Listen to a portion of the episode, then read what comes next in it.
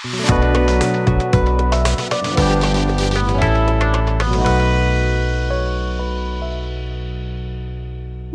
merhaba. Merhaba. Bugün Kuşak Çalışması isimli e, bölümümüzle karşınızdayız. Acaba Kuşak... ne konuşacağız bu baş, başlık altında? ya kuşakları konuşacağımız kesin. hani Z kuşağının dikkat süresi biliyorsunuz ki işte birkaç saniyeyle sınırlı falan gibi şeyler anlatmayacağız diye düşünüyorum. Evet. Evet evet. Onlar çok konuşuldu. İşte goldfish karşılaşmaları, karşılaştırmaları falan bunlar yapıldı. Ee, ama kuşaklar aslında neden bu şekilde anılıyor ya da bu segmentasyon bizim ne işimize yarıyor ya da bir işimize yarıyor mu? Bunları bence enine boyuna konuşmak lazım. Çünkü bazı şeyler e, söylenildiği gibi kabul ediliyor. E, altı çok kurgulanmadan, kurcula, kurcalanmadan e, Z kuşağı diye bir şey varmış. E, çok dikkatleri dağınıkmış, hiçbir şeyden hoşlanmıyorlarmış. Hiç kimse hiç başka bir şeye de benzemiyorlarmış deyip hayatımıza devam niye ediyoruz? Yani Z kuşağı bu kadar bambaşka, neredeyse Marslı gibi insanlardan oluşuyorsa bu senin hayatında neyi değiştiriyor? İletişimin tonlamasında ya da kurgulanmasında neyi değiştiriyor? Hiçbir şey. O zaman çok da başka değil demek ki gibi. Bence böyle bir ikilem var. Çünkü yani o yüzden de diyorum ki kuşak çatışmasından bahsetmeden önce bu kuşakları bir çalışmak lazım. Ne dersin? Evet şimdi ben de bir yaklaşımdan bahsetmek istedim burada. Konuşurken de zaten sana söylemiştim kendi aramızda. Hı-hı. Ben bunları böyle işte X kuşağı, Y kuşağı, Z kuşağı diye kendi bakış açımda yani kendi dünyamda ayırmaktan çok hoşlanmıyorum aslında bakarsan. Hı-hı. Ayrılmaması gerektiğini de düşünüyorum. Tabii ki de bir noktada ayrılacak onu da söyleyeceğim ama bazı şeyler biliyorsun ki pazarlama terimi oluyor ve ona evet. o etiket yapıştıktan sonra o hep öyle kalıyor. Şimdi ben mesela bir şey anlatıyorum onu anlamıyor ama onu diyorum ki işte bak bu Z kuşağı deyince hemen radarları açılıyor. Z kuşağı deyince herkes böyle bir alert oluyor tamam mı? ama mesela gelecek nesiller dediğin zaman evet. ya da işte bir sonraki nesiller dediğin zaman o aynı etkiyi yaratmıyor. Çünkü bunun da herhalde psikolojik bir şey var, karşılığı var. Hani gelecek zaten şu anda burada değil. Onunla ilgili kaygılanmama gerek yok. Ama benim bugün önümde Z kuşağı diye bir gerçek var ve ben onunla nasıl başa çıkacağımı bilmiyorum diye hı hı. dolaşan bir sürü pazarlamacı. Ben diyorum ki bu kadar şaşırmamıza gerek yok gelen her şey yani bir sonraki hep bir öncekinden daha yeni ve daha farklı olduğu için ve hep bir üstüne koya koya gittiği için buna şaşırmamızın bir anlamı yok. İşte şimdiki çocuklar doğar doğmaz telefonu nasıl kullanacağını biliyor. Biliyor çünkü içgüdüsel bir hareket bu. Steve Jobs bunu keşfettiği için, bu dokunma içgüdüsünü keşfettiği için bunu yaptı. Ona bakarsan maymun da bunu yapıyor. Görmüyor musun Instagram'da telefona bakıp posteri likelayan maymunları? Buna neden bu kadar çok şaşırıyorum? Şimdiki çocuklar e, daha böyle şu ya ben mesela diyorum ki 18 yaş resmi yaş olmak için artık çok geç. 9 yaşında 10 yaşında yazılımcılar var. Bunlar şirketler bunların kapılarında yatıyorlar. Gel bende çalış, gel bende çalış. Bunları anlatıyorum mesela. Ya, bu çok hoşlarına gitmiyor.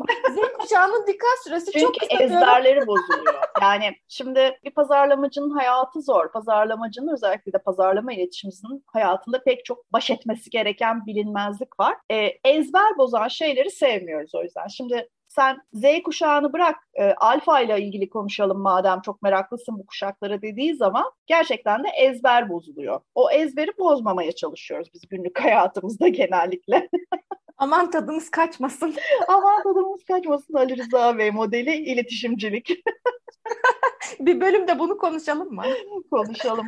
Bu aralar üst üste gördüğümüz bir takım e, özel gün e, iletişimi felaketleri üzerine bence böyle bir kaş yaparken göz çıkarmak konu tadımızı başlığı altında. Tadımızı kaçıracak şey yapalım. Tadımızı kaçıracak bir tadımız kaçmasın bölümü. olur. Olur.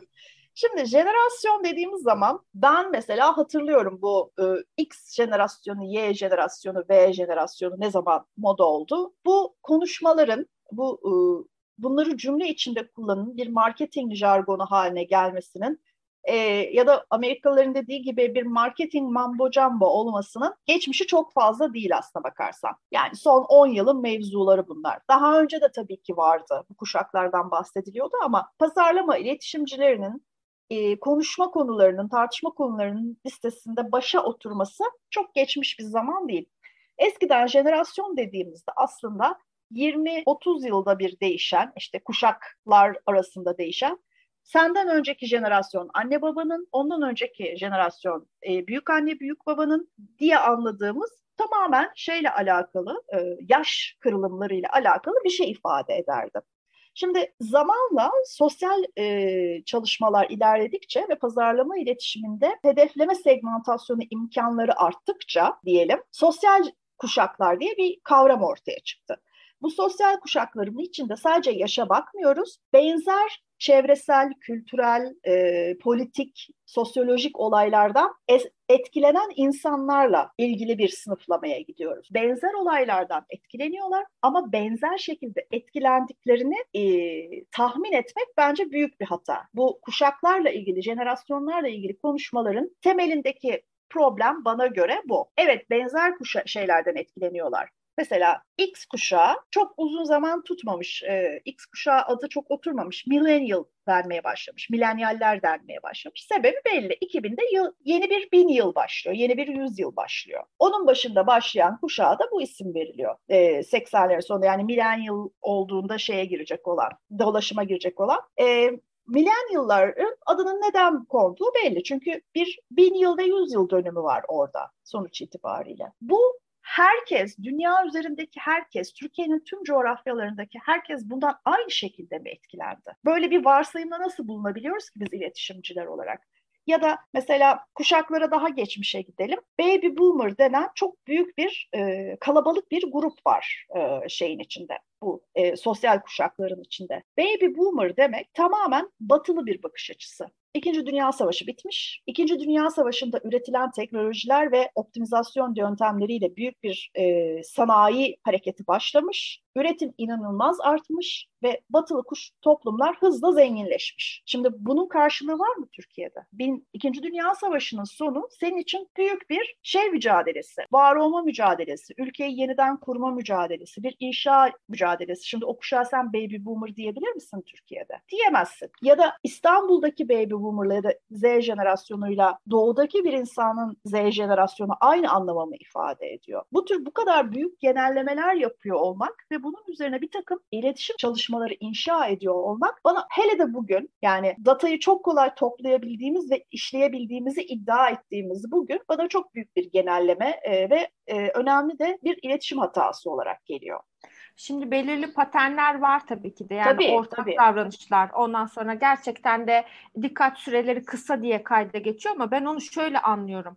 Şimdi e, o kadar hızlı bir çağın içerisindeyiz ki şu anda biz. Bazı şeyleri algılama seviyemiz onlarla aynı değil. Mesela biz aynı anda bir televizyon izleyip bir de telefona bakabiliyorsak o aynı anda beş farklı cihazı birden kullanabiliyor. Yani aslında dikkat süresi kısa olmasının arkasında yatan sebep her şeyi hızlı idrak edip bir sonrakine geçebildikleri için hiçbir şeyin üstünde bizim durduğumuz kadar durmadıkları için resmen no drama felsefesi var onlarda. Yani hiçbir şeyin draması hemen hemen yaşanmıyor. Yani tabii ki de yaşanıyor ama bizim gibi böyle aylarca, haftalarca, günlerce onu anlatayım, bunu yapayım. Hep bir sonraki konuyu, hep bir sonraki konuya geçiyor. Ben de şöyle düşünüyorum. Bizim davranışsal modelleri incelememiz lazım. Yani yerine ne geliyor, neden bunu yapıyor ve bundan sonra ne olabilir? O zaman zaten ihtiyaçları ve inovasyon için, yenilik için gapleri, boşlukları görüyorsun ve doldurabiliyorsun. Senin bunu görmeni sağlayacak olan şey senin etrafında olan insanlar değil. Tabii ki senden bir sonraki gelen sana bunu gösterecek. O yüzden bunu anlamaya çalışmak. Bir de az önce söylediğin şeye katılmak istiyorum izninle. Buyurun. Mesela biz verileri hep nereden alıyoruz? İşte hep e, dışarıdaki raporlardan alıyoruz. Z jenerasyonu, e, millennial kuşağı, baby boomer kuşağı vesaire Amerika'yı görüyoruz çoğunlukla. Hı hı. Avrupa adı altında bir veri görüyoruz. Hı hı. Ondan sonra ve işte Asya, Orta Doğu vesaire diye görüyoruz. Biz bazen Orta Doğu'ya giriyoruz, bazen Avrupa'ya giriyoruz. Raporu yazan ülkenin veya şirketin yaklaşımına göre bu değişiyor.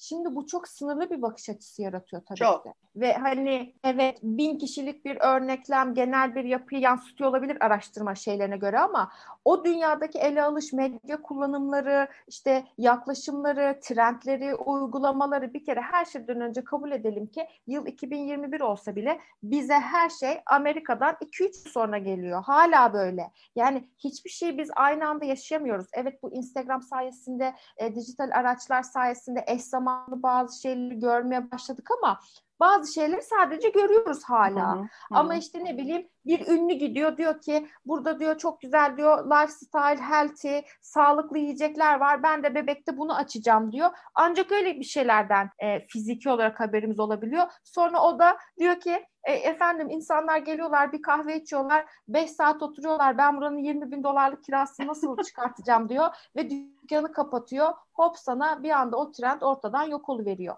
Geçenlerde bir şey dinledim gastronomi konuşmasında vegan trendi için böyle Hı. diyor. Çünkü şimdi o, o tabaklar çok güzel. Bol dedikleri kaseler gerçekten çok güzel ama 50-60 liradan aşağıya gelmiyor senin önüne o kaseler. 100 liraya kadar çıkanları var. Alım gücünü düşündüğünde, yeme alışkanlıklarını düşündüğünde geçenlerde biz YouTube yayınında onu konuştuk. Taco neden burada tutmadı diye. Hı. E çünkü fiyat performans. Tabii minicik bir şey taco dediğin iki lokma. minicik tabii fiyat yani minicik bir şey veriyorsun 20-30 lira adetine yani 50 tane de yiyecek halin yok. Oraya da 1000 lira 2000 lira ödeyecek halin yok. Midye yani değil o... ki tepsi kapatasın değil mi? Aynen. Olsaydı kapatırdık şimdi. Kapatırdık. O yüzden de bu işler olmadı. Yani bunlara hep bu bakış açılarıyla bakabilmemiz lazım. Bu kadar geniş düşünüp anlamlandırabilmemiz lazım. Yani dikkat süresi çok kısaymış deyip geçmem. Geçmemek ya şöyle lazım. olmamalı. Dikkat süresi çok kısa. 5 saniyelik videolar hazırlayayım deyip olayı şey yapmaman lazım yani. Üstünü kapatmaman lazım. Şimdi dediğin doğru. Şimdi özellikle zam yaşadığın, büyüdüğün ve öğrendiğin zamanın e, insan çünkü ağırlıklı olarak aslında 8-10 yaşıyla 20 yaşı arasında öğreniyor. Normal bir insanın ondan sonra öğrenmesi azalmaya başlıyor. Öğrendiğin zamandaki sana sunulan imkanlar, teknoloji senin çok alışkanlıklarını değiştiriyor. Şimdi okuyarak öğrenmek başka, dinleyerek öğrenmek başka, izleyerek öğrenmek başka. Şimdiki jenerasyon izleyerek öğreniyor. Okula bile gitmiyorlar. Hocaların, öğretmenlerini bile şeyde görüyorlar. Zoom videosunda görüyorlar. Ayrıca da jenerasyonlar deneyimlerini çok etkiliyor. Yani bence en önemli fark yarattığı şey deneyimler. Hayat sana ne veriyor? Sen hayattan ne bekliyorsun? Bunları gerçekten çok çok etkiliyor. Bunu asla yadırgamıyorum ama biraz önce dediğin gibi Amerika'daki moda olmuş şey burada karşılığını bulacak anlamına gelmiyor. Özellikle Türkiye'nin de farklı bir durumu var. Bizim bir ayağımız Avrupa'da, bir ayağımız hala Orta Doğu'da. Bazı şeyler aynı derecede karşılık bulmayabiliyor. 2019 yılında Gezici Araştırma Z kuşağı ile ilgili 12 ilde bir araştırma yapmış. Bunun da sonuçlarını e, yayınlamışlar. E, ben de böyle bir tarama, literatür taraması yaparken karşıma çıktı. Bence çok gerçekten enteresan şeyler var, bulgular var. Mesela hep diyoruz ya e, Z kuşağı gerçekten de birçok konuya uyanmış. İklim değişikliğinin başına bela olacağının farkında. Toplumsal cinsiyet eşitsizliğinin başına bela olacağının farkında. Bunları konuşarak işte Greta'nın Birleşmiş Milletler'deki konuşmasını alkışlayarak işte Netflix'te e, eşcinsel çiftlerin olduğu dizileri izleyerek sanki böyle bir Z kuşağı aydınlama yaşanmış gibi e, geliyor bize. Halbuki bu araştırmaya göre gençlerin Z kuşağı dediğimiz insanların sadece yüzde 45'i tüm cinsiyet tanımlarının birbirine eşit olduğunu kabul ediyor. Yani yüzde 45 bence bizim Z kuşağını kendi kendimize tanıdığımız, tanımladığımız duruma göre çok düşük bir rakam. Yani zannediyoruz ki herkes aydınlanma yaşamış. Yok herkes aydınlanma falan yaşamamış. Mesela farklı bir din ya da mezhebe ait biriyle evlenebilirim diyenlerin oranı %82'ye çıkmış. Halbuki X kuşağındayken %32'ymiş. Burada çok büyük bir e, şey yapmış ama hani ben Türk insanını tanıyorsam bunun altında bir yabancı ile evlenir yurt dışına kapağı atarım mantığı vardır net yani. Mesela bu insanların hala e, yüzde 15'i düzenli olarak namaz kıldığını ve oruç tuttuğunu zannediyor. Yani hepsi de böyle batıya dönmüş o tarafa doğru konuşuyor değil. Ya da günlük sosyal medyada 6 saat gibi vakit geçiriyorlar ama sadece %65'in akıllı telefonu var. Zannediyorsun ki herkesin akıllı telefonu var. Yok. Yani bu ülkede hala belli bir alım gücünün altında yaşayan, işte normal şeylerde sosyoekonomik e, gruplamada DE diye tanımladığımız bir sürü insan yaşıyor hala tuşlu telefon kullanan. Dolayısıyla herkesin kendi hedef kitlesinin içine daha alıcı gözle, daha eleştirel bir gözle farklılıkları ve benzerlikleri bulmak üzere bakıyor olması gerekiyor. Yani bu dışı yurt dışından gelmiş kalıpları bir motto haline getirip Z kuşağını şey yapmamız lazım, e, tavlamamız lazım diye bir fikirle yola çıkarsan eğer gerçekten çok enteresan iletişim çözümleri görebiliyorsun. Geçen gün e, sana da gönderdim galiba e, bir otomobil markası. Hadi kim olduğunu söylemeyeyim şimdi. Çünkü hemen kaldırdılar. E, ajansının başı yeterince belaya girmiştir. Ben de daha fazla üstüne eklemeyeyim. Satış fiyatı, Türkiye'deki satış fiyatı yaklaşık 4 milyon lira olan bir arabayla ilgili tweet atıyor. Şimdi bu arabadan zaten sen Türkiye'de kaç tane satacaksın? Bunun Twitter'da yerine, bunun hedef kitlesi Z kuşağı mı? Bunun hedef kitlesi kim? Yani bir çözüm bulduğunda bu tüm sorunlara uyacak diye bir anlamı yok. Bir laf vardır ya elinde çekiç varsa bütün sorunlar sana çivi gibi görünür diye. Gerçekten de öyle. Yani elinde bir Twitter var. bütün sorunlar kendisine Z kuşağı gibi görünüyor gibi bir durum var. Z kuşağının en önemli karakteristik özelliklerinden biri. Bırak senin orada reklamını yaptığın 4 milyon liralık arabayı Ege'ye alacak parası yok. Bütün bunları göz ardı ederek iletişim yapıyor olmak birazcık ezbercilikten öteye geçmiyor. Yani Türkiye'nin de şöyle bir şey var. Şimdi biz hep Türkiye için e, özellikle böyle 2000'lerin başında falan yurt dışından gelen, e, o zaman Türkiye çok popüler bir ülkeydi. Yurt dışından pek çok şirket e, Türkiye'deki işlerini ya büyütmek ya yatırım yapmak isterdi ve biz de bir ajans olarak sürekli sunum yapardık bunlara. Türkiye nasıl bir yer? Mesela en çok söylediğimiz şeylerden biri Türkiye çok genç bir ülke. Nüfusu çok genç. Bu hala böyle mi? Hani Z kuşağı bizim için ne kadar önemli diye bir merak ettim. Şeye baktım. Medyan yaşlara baktım. Şimdi e, istatistiği çok iyi olmayanlar için söyleyeyim. Medyan demek bir sayı dizinin tam ortasındaki rakam demek. Yani medyanı aldığın zaman rakamların, oradaki dizindeki rakamların yüzde ellisi bundan küçük, yüzde ellisi bundan büyük olur. Dolayısıyla bir ülkenin medyan yaşını söylediğinde nüfusu yüzde ellisi o yaştan genç, yüzde ellisi de o yaştan büyüktür. Türkiye'nin medyan yaşı ya da ortanca yaşı 31 şu anda. Ama 2000'de 24'müş. Yani şey biz artık o kadar genç O kadar bir... da genç değiliz. Çünkü biz 31 yaşındayız ortalama. Dünya 29 yaşında. Ha. Şey çok enteresan değil mi? Yıllarca mesela şey e, kandırmacısı vardı ya Türkiye'nin jeopolitik önemi. Hiçbir evet. işimize yaramadı ya. Türkiye'nin genç nüfusu. genç nüfusu. O da hiçbir işimize yaramadı çünkü artık nüfus yaşlandı. ha, nüfus yaşlandı derken şunu göz ardı etmemek lazım. Ee, Avrupa'nın ortalama yaşı 40 civarında. Yani bize oranla geri Avrupa çok yaşlı. Ama biz artık ülke olarak dünya ortalamasının üstünde bir yaşa sahip. Evet ama benim asıl söylemek istediğim şey tabii ki de biz Avrupa'dan daha genç bir ortalama sahibiz ama biz zamanında ve en ateşli zamanında bunu iyi Hı-hı. kullanamadık. Yani evet, tabii. bu yeteneği ve bu kaynağı, bu ülke gücünü doğru şekillendiremedik. Yani o çocukların e, neredeler şimdi?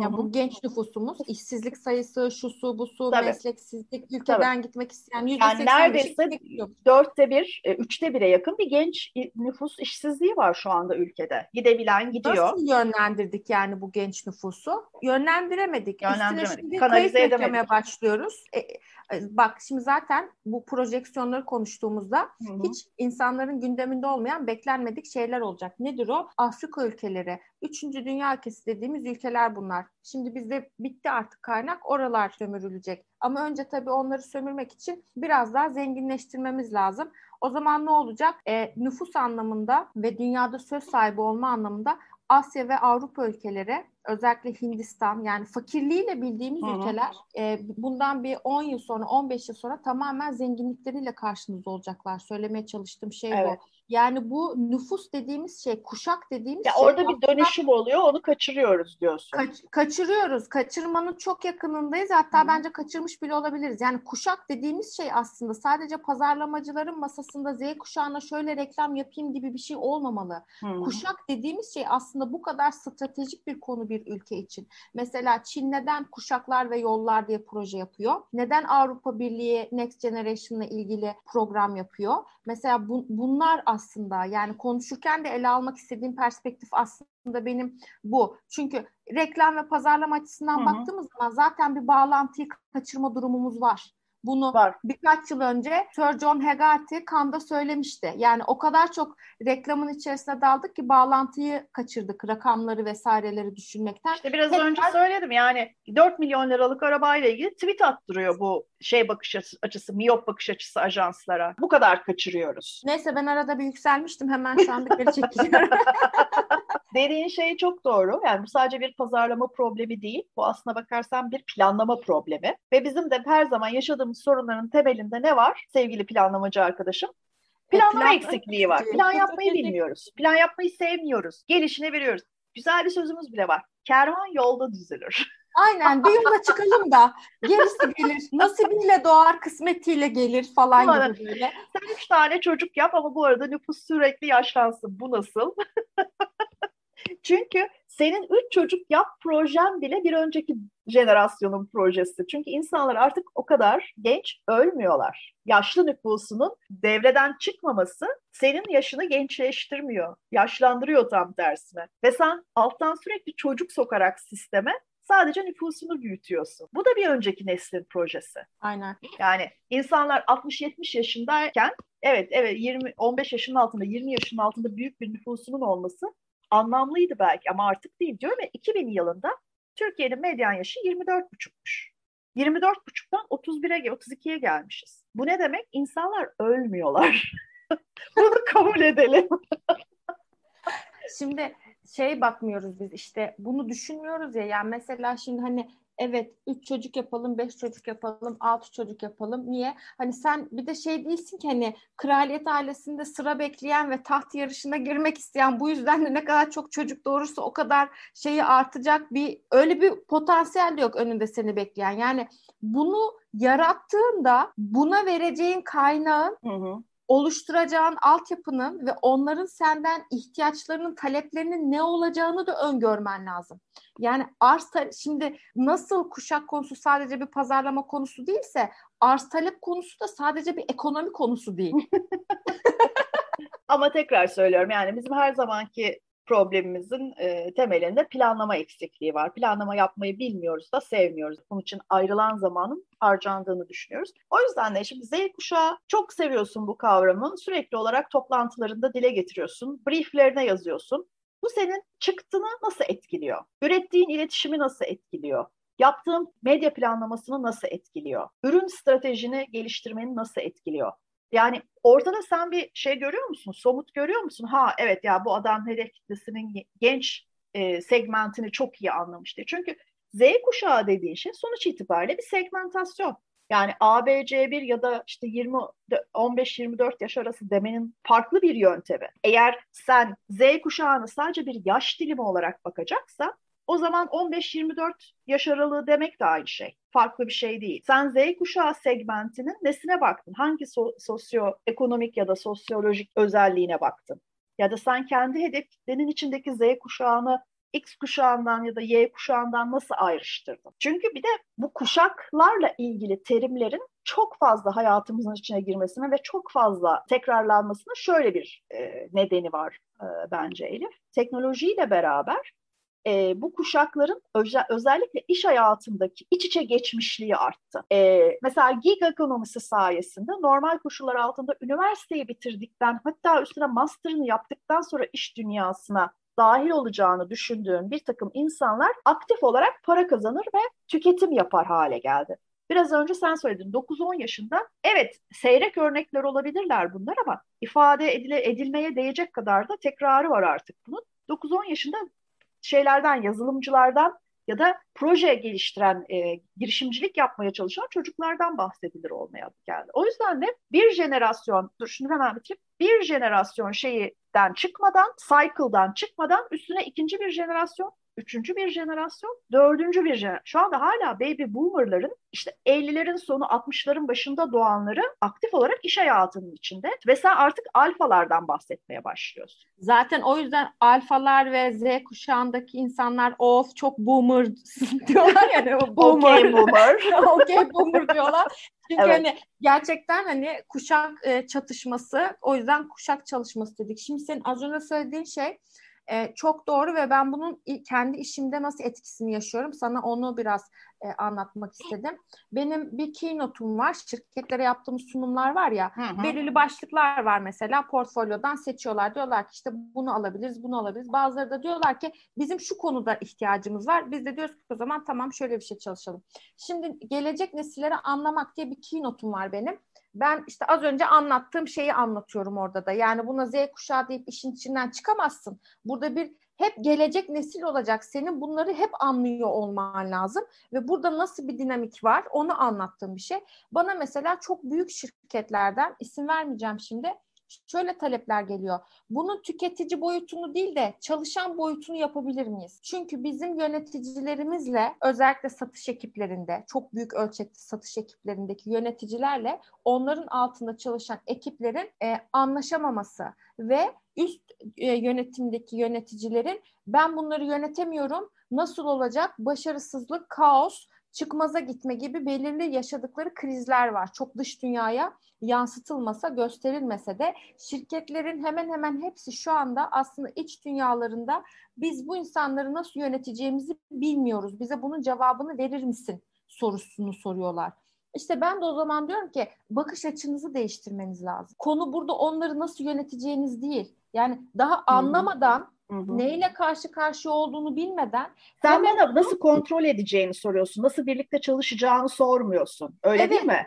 Tabii yani ne yapman lazım? Çünkü şimdi bizim bakış açımızda benim şöyle bir bakış açım var. Ben her şartta işe giderim. Hı-hı. Hastayken de çalışırım. E, bir toplantıya gitmem gerekiyorsa saatinde giderim. Yani bizim profesyonellik anlayışımız bu. Her şeyi e, işin önceliğin iş olması, her şeyi onun arkasına atma. Onlarda böyle bir şey yok. Hı-hı. Yani önceliklendirmeleri de farklı.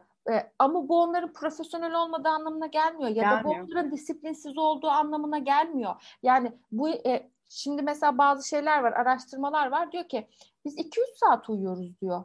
Neden? Hiçbir şey kaçırmak istemedikleri için. Evet. Etraflarında olan hiç ya bu kadar enformasyon içerisinde olan, bu kadar etkileşim içerisinde olan, bu kadar deneyim odaklı olan yani sen aslında karşında yeni bir kuşak görmüyorsun baş etmeye çalıştığın bir canavar görüyorsun ve ne yapacağını bilmediğin için paniğe kapılıyorsun. Oysa ki kendi kendini öğrenebiliyor olsaydın, hep bir sonraki adıma kendini taşıyor olsaydın, bütün bunların araştırmaların hepsini zaten yapıyor olsaydın bunları yaşamayacaktın. Şimdi bence çok doğru bir şey söylüyorsun. Ee, bence büyük şirketlerin hatta pek çok küçük şirketinde çok gerçekten böyle elin nabzının üstünde yaşayan bir takım şirketler var. Bunları ayrı tutuyorum ama çok büyük bir kısmının kendi çalışanıyla iç müşteri deniyor ya zaten artık onlara. Bir sebebi var bunun. Müşterisine bakma şekli aynı. Biraz önce söyledim tekrar altını çizmek için söylüyorum. Sen iç müşterine yani genç jenerasyondaki, X'lerin sonundaki ve Y jenerasyondaki çalışanlarına nasıl kontrol edeceğini anlamak için bakıyorsun. Onlarla birlikte nasıl çalışabileceğini anlamak için bakmıyorsun. Aynı şekilde şeyde de dış tüketicine de yani satın almayı yapan insana da bunu nasıl ikna ederim gözüyle bakır, bakıyorsun. Onunla nasıl iletişime geçerim gözüyle bakmıyorsun. Bunlar asıl işte geçmiş jenerasyonun düşünme biçimleri. Yani bir jenerasyon farkından bahsedeceksek bence önce bu bakış açısından bahsetmek lazım. Senin iş gücün artık ağırlıklı olarak 30 yaşının altındaki insanlardan oluşuyor. Dolayısıyla o insanlarla hayatlarındaki bir takım önemli noktaları göz önünde bulundurup yeniden bir iletişim kurman gerekirken sen onu senin amirlerinin seni kontrol ettiği gibi, kontrol burada tırnak içinde tabii ki, aynı şekilde kontrol etmek istiyorsun. Sen değişeceksin. Önce sen değişeceksin, iletişiminin zaten otomatik olarak değişir. Yani sonuç itibariyle me medium'da biliyorsun mesajın bir şekli. Sen dünyanın en aydın, en jenerasyonu mesajını ben sana hazırlayıp vereyim. Sen değişmedikten sonra, senin ağzından çıktıktan sonra inandırıcılığı yok ki. Bu e, özellikle pandemi dönemi bence bize bu konuda bir şeyler öğretti. Ya da öğrettiğini düşünmek istiyorum. Çünkü e, birbirimize ve çalışanlarımıza güvenmek zorunda kaldık. Yani uzaktan çalışabileceği konusunda, saatler belirsiz olsa da işlerin tamamlanabileceği konusunda insanların gözümüzün içine bakmadan da üzerlerine sorumluluk alıp bu sorumlulukları yerine getirebileceği konusunda ve projelerin daha hızlı ilerleyebileceği konusunda olumlu deneyimler yaşadığımızı umuyorum hep beraber. Bunun kalıcı bir etkisi olur çünkü. Ama dediğim gibi jenerasyon sadece bir segmentasyon türü. Sen ürettiğin segmentasyonla ne yapacaksın? Asıl sorman gereken soru bu. Öbür türlüsü tamamen marketing mambo jumbo oluyor çünkü. Bir saptamada bulunacağım şimdi ben de son olarak. Biz 90'lardan itibaren düşündüğümüzde yani 90 sonrasını dikkate almayalım. Hani dedin ya sen kuşak kuşak üst üste çalışıyoruz Hı-hı. aslında diye. Bu karmaşaların sebeplerinden bir tanesi de aslında şu. Biz offline olmanın ne demek olduğunu bilen son kuşağız. Doğru. Şu anda yeryüzünde. Yani işte tape'tir, kasettir, işte CD'dir, disktir. Hiç görmediği şeyler var ya bu insanların. VHS Şimdi... sakın unutma. Geçen programdan. tabii tabii. Şimdi ama asıl tehlike aslında şu. E, sadece kuşakların değişmesini değil bir 10 yıl sonra insan formatının değişmesini de bekliyoruz ya en azından yani biyoteknolojinin değişmesi vesaire. Düşünce biçimlerimizi, bakış açımızı değiştirmemiz lazım.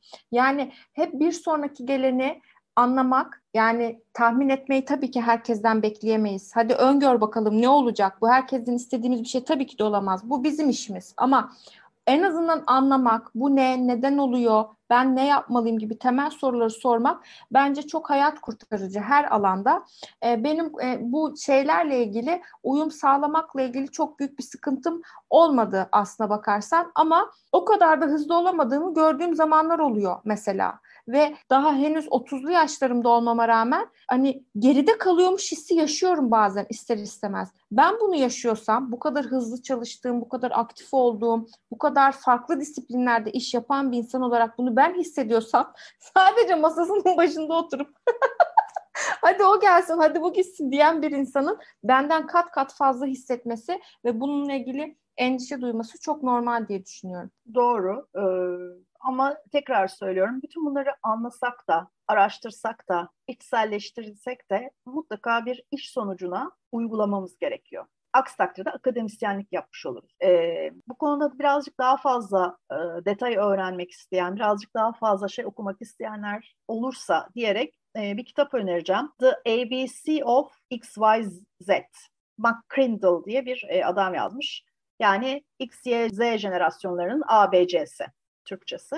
Burada e, bayağı detaylı olarak aslında kuşakları, kuşakların neden bu şekilde isimlendirildiğini ve birbirleri arasındaki geçişleri, benzerlikleri, farklılıkları anlatıyor e, sevgili McCrindle. Ama tekrar söylüyorum, e, Türkiye'de ünlü, tanınan, bilinen bir e, şeyin iletişimcinin e, kendi blogunda şöyle bir yazı okudum mesela. Ben de son olarak bunu yapmayın diye paylaşmak istiyorum. Diyor ki X, Z kuşağıyla iletişim kurmanın yolu. Nasıl pazarlama yapılır? Hazır mısın? Evet. Sosyal medyanın gücünü kullanın. Devam ediyorum. Mobil pazarlamaya öncelik verin. İnanılmaz zahice. Duyarlı olun. Özgün ve etkili içerik oluşturun.